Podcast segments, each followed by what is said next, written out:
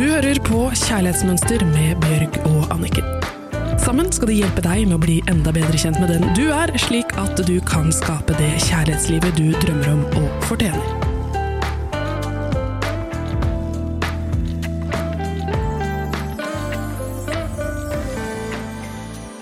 Er norsk merke som nå har blitt internasjonalt og selges i 90 butikker. Og her snakker vi ikke hvilke som helst butikker, her snakker vi kun hotte butikker. For de sier nei til alt som ikke er kult og hot og elegant og dyrt.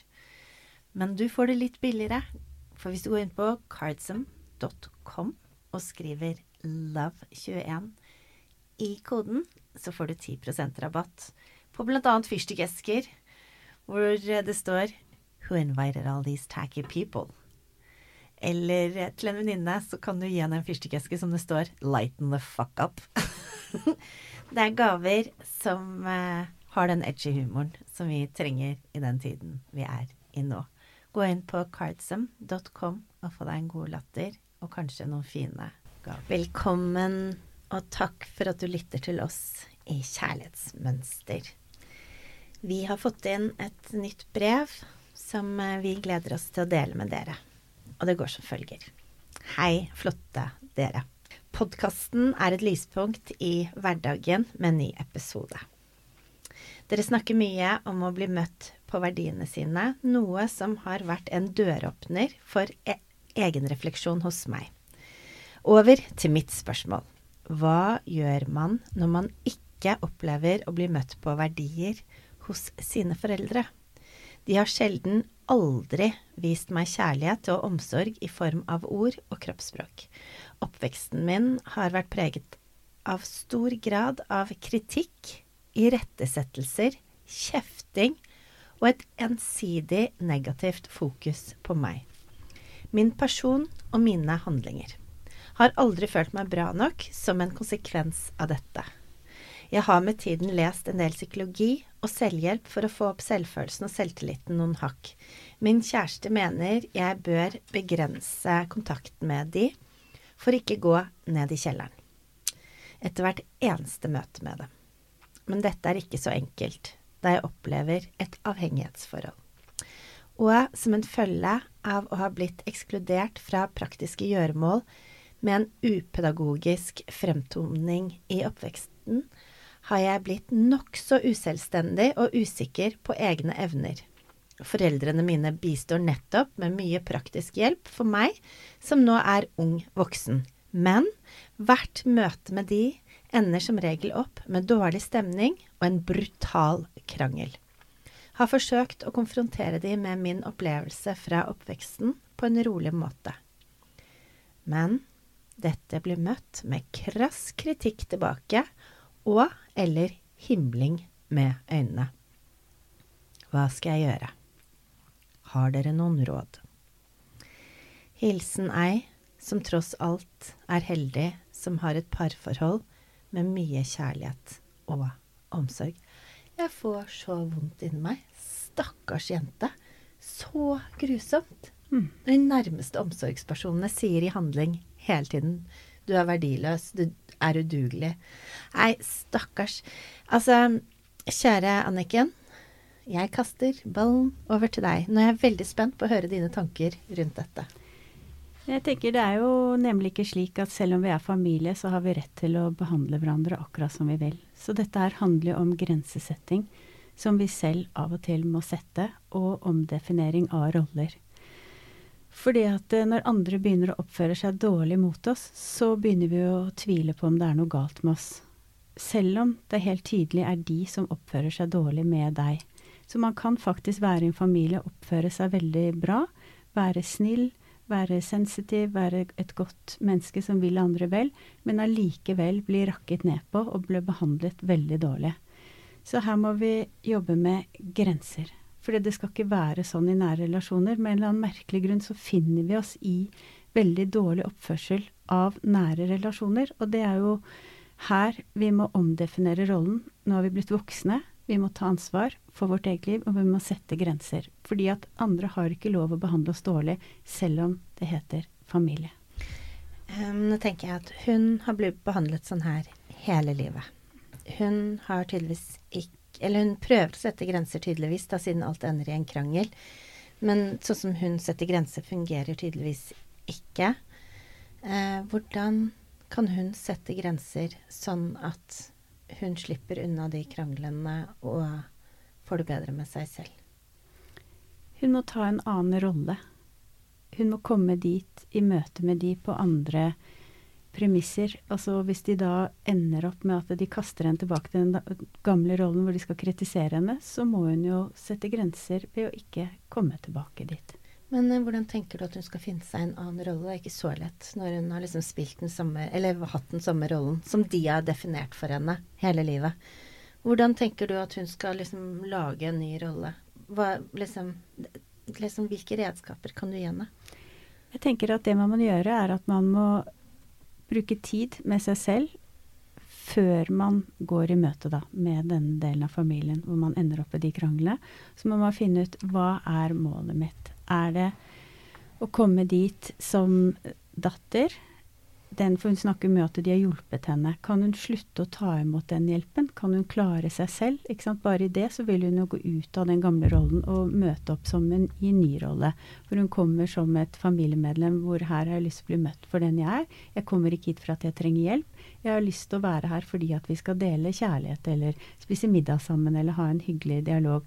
Og så se om det er mulig. Men uh hva tror du er grunnen til at foreldrene har hatt behov for å ha en sånn hakkekylling, eller hva jeg skal kalle det?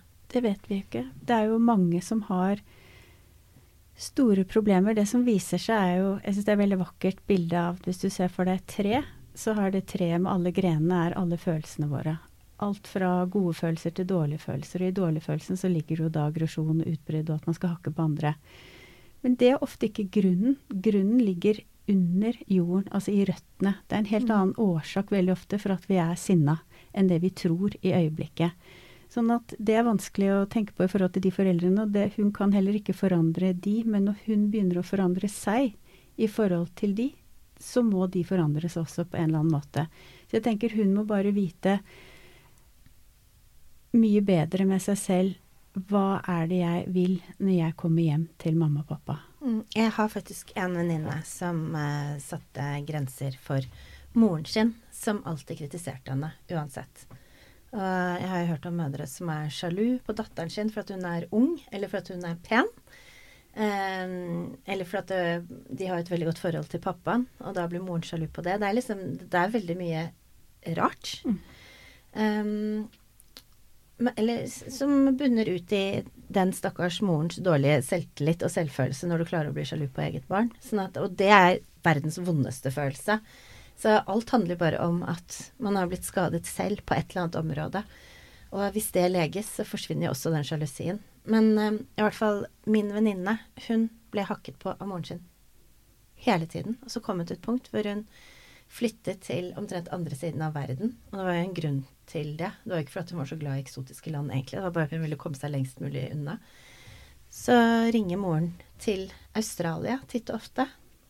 Og hver gang så er det liksom bare én-to setninger, og så begynner hun moren å si et eller annet som ikke er hyggelig, eller, eller kommer, når hun forteller hvordan hun har det, så kommer hun tilbake med et eller annet som ikke er hyggelig. Eh, og kritiserer det hun gjør, eller hva som helst. Og da bare sa hun mamma, fra og med nå, hver gang du kritiserer meg, så kommer jeg til å legge på. Men det er grenser. Det er ja, akkurat det jeg mener. Men hun måtte gå så langt. Og det som skjedde, var at hun la jo på hver gang hun snakket med moren sin. Men til å begynne med så tok det liksom 30 sekunder før hun la på. Og så etter hvert så gikk det et par minutter. For moren begynte å ta seg sammen. Men det som er interessant, var at til slutt så sa moren unnskyld. For hun hadde ikke lagt merke til det selv, hvor mye hun kritiserte sin egen datter. Nei, det er veldig bra. Og det, dette er akkurat det som vi snakker om som er det beste du kan gjøre. Det er å sette grenser. For da viser du at jeg er ikke med på å spille den rollen mer. Jeg er ikke med på dette familiemønsteret mer. Jeg vil ikke ha det sånn. Men man kan ikke bare si det. Og man kan ikke si at du må forandre deg til noen andre. Man må forandre seg selv. Og det gjorde jo akkurat din venninne. Så det var et veldig godt eksempel. Så hun, hun forberedte henne på det. Jeg kommer til å legge på hvis eh, hvis du gjør det. Ikke sant? Jeg har faktisk et veldig bra sitat her, ja. som jeg skal eh, lese opp, som handler om akkurat det at eh, du kan ikke forandre på andre. Det er bare deg selv du kan eh, forandre på.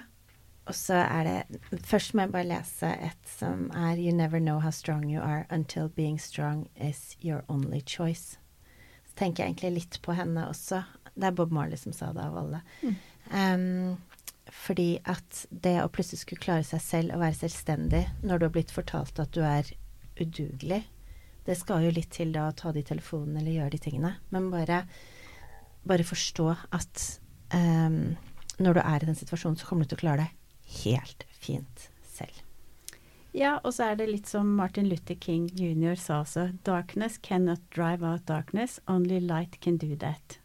Hate cannot drive out hate, only love can do that. Og da tenker jeg, hvis du kan klare å vise deg selv kjærlighet ved å sette sunne grenser, være opptatt av hva er viktig for meg før du møter opp i nære relasjoner, så tar du en helt ny rolle.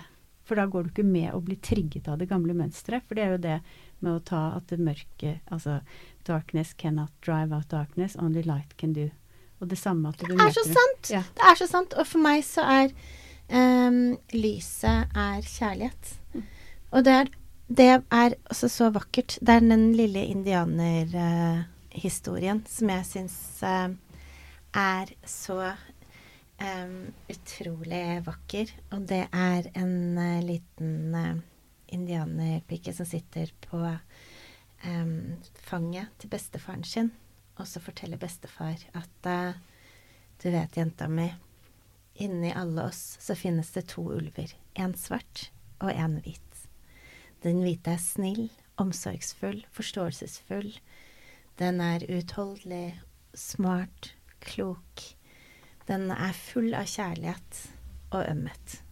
Den svarte ulven er aggressiv. Og den er slem. Den er ondskapsfull. Den eh, er sjalu, og den blir trigget av andre mennesker og blir fort irritert. Og så ser den lille jenta opp på bestefaren sin, så sier hun Å, bestefar! Å, hvem av de to er det som vinner? Og så svarer bestefar, det er den du mater. Og det er akkurat sånn. Det handler om hvilke følelser vi mater inni oss. Og som gir fokus. Ja. Og da tenker jeg med hun jenta her som er altså eh, vært så uheldig, for hun kunne ha blitt født inn i en familie hvor hun ble elska for akkurat den hun var. At de klappet på henne, heit henne frem når hun gjorde ting. Og istedenfor så har de buet når hun har prøvd å få tak i noe, eller gjort noe. Så da tenker jeg um, nå så kan ikke hun gjøre noe annet enn å snu det. Og det er bare hun som kan snu det. Det kommer aldri til å endre seg, for de kommer aldri til å endre seg, men hun kan endre seg selv. Og da blir det en um, fantastisk kamp hvor den hvite ulven inni henne vinner, og hun forstår sin verdi og alt med det lyset som er sterkere enn mørket. Og da for at jeg er så opptatt av at man ikke skal være et offer i livet sitt og bare 'Å, stakkars meg, jeg hadde så grusom barndom, og da blir resten av livet mitt helt jævlig'. Unnskyld at jeg bannet. Eh, da blir resten av livet mitt helt forferdelig. Eh, men eh, derfor så har jeg så lyst til å lese Dette ble sitatepisoden. Never be bullied into silence. Never allow yourself to be made a victim. Accept no one's definition of your life, but define yourself. Så oppgaven til Anniken i dag, det er Definer din rolle som du har med dine nærmeste, enten det er til din partner, til dine foreldre, din eks, dine søsken, altså noen av dine aller nærmeste relasjoner, og velg én du syns er utfordrende, og skriv den ned. Hva er min rolle sammen med de? Og så skriv ned hvordan du ønsker at den skal være. For å bli bevisst hvordan det er, og hvordan vi vil at det skal være, så kan vi begynne å bevege oss mot å skape det forholdet som vi vil ha. Akkurat med de bra sitatene med ulven og med lyset. Og så får de andre på en måte gå de, den veien og ta det valget de skal. Men da har vi i hvert fall flyttet oss dit vi vil. Og så ikke la deg definere av andres sannheter om deg. Den eneste som vet hvem du virkelig er, er deg selv. Og du er mye sterkere enn det du aner. Akkurat som Bob Marley sang og sa. Det er først når du virkelig må, at du skjønner hvor sterk du er. Og ja, du klarer alt. Ja, det er nydelig. Og så tenker jeg det var veldig, veldig godt å innseendet at hun har et kjærlig og godt forhold med kjæresten sin. Og, og godt å ha en, et vitne på en måte ved sin side som kan vise og si Vet du hva, ikke gå dit. Du blir ikke noe glad av det. Hør på han. Dere har det godt sammen. Han viser deg tydelig kjærlighet. Støtt deg til de som vil deg vel, og også støtt deg til den delen av deg selv som vil deg vel. Og med det så vil vi ønske deg en nydelig uke, og vi ønsker å få ut vårt budskap. Så vi setter veldig stor pris på om du skriver en anmeldelse på iTunes til vår podkast. Hjertelig takk, så vi kan fortsette å dele vår kjærlighet og vårt lys. Du hørte akkurat podkasten Kjærlighetsmønster. Denne podkasten er produsert av Radiometro, og produsenten har vært Avasar. Hvis du vil lese mer om kjærlighetsmønster, så gå inn på kjærlighetsmønster.no.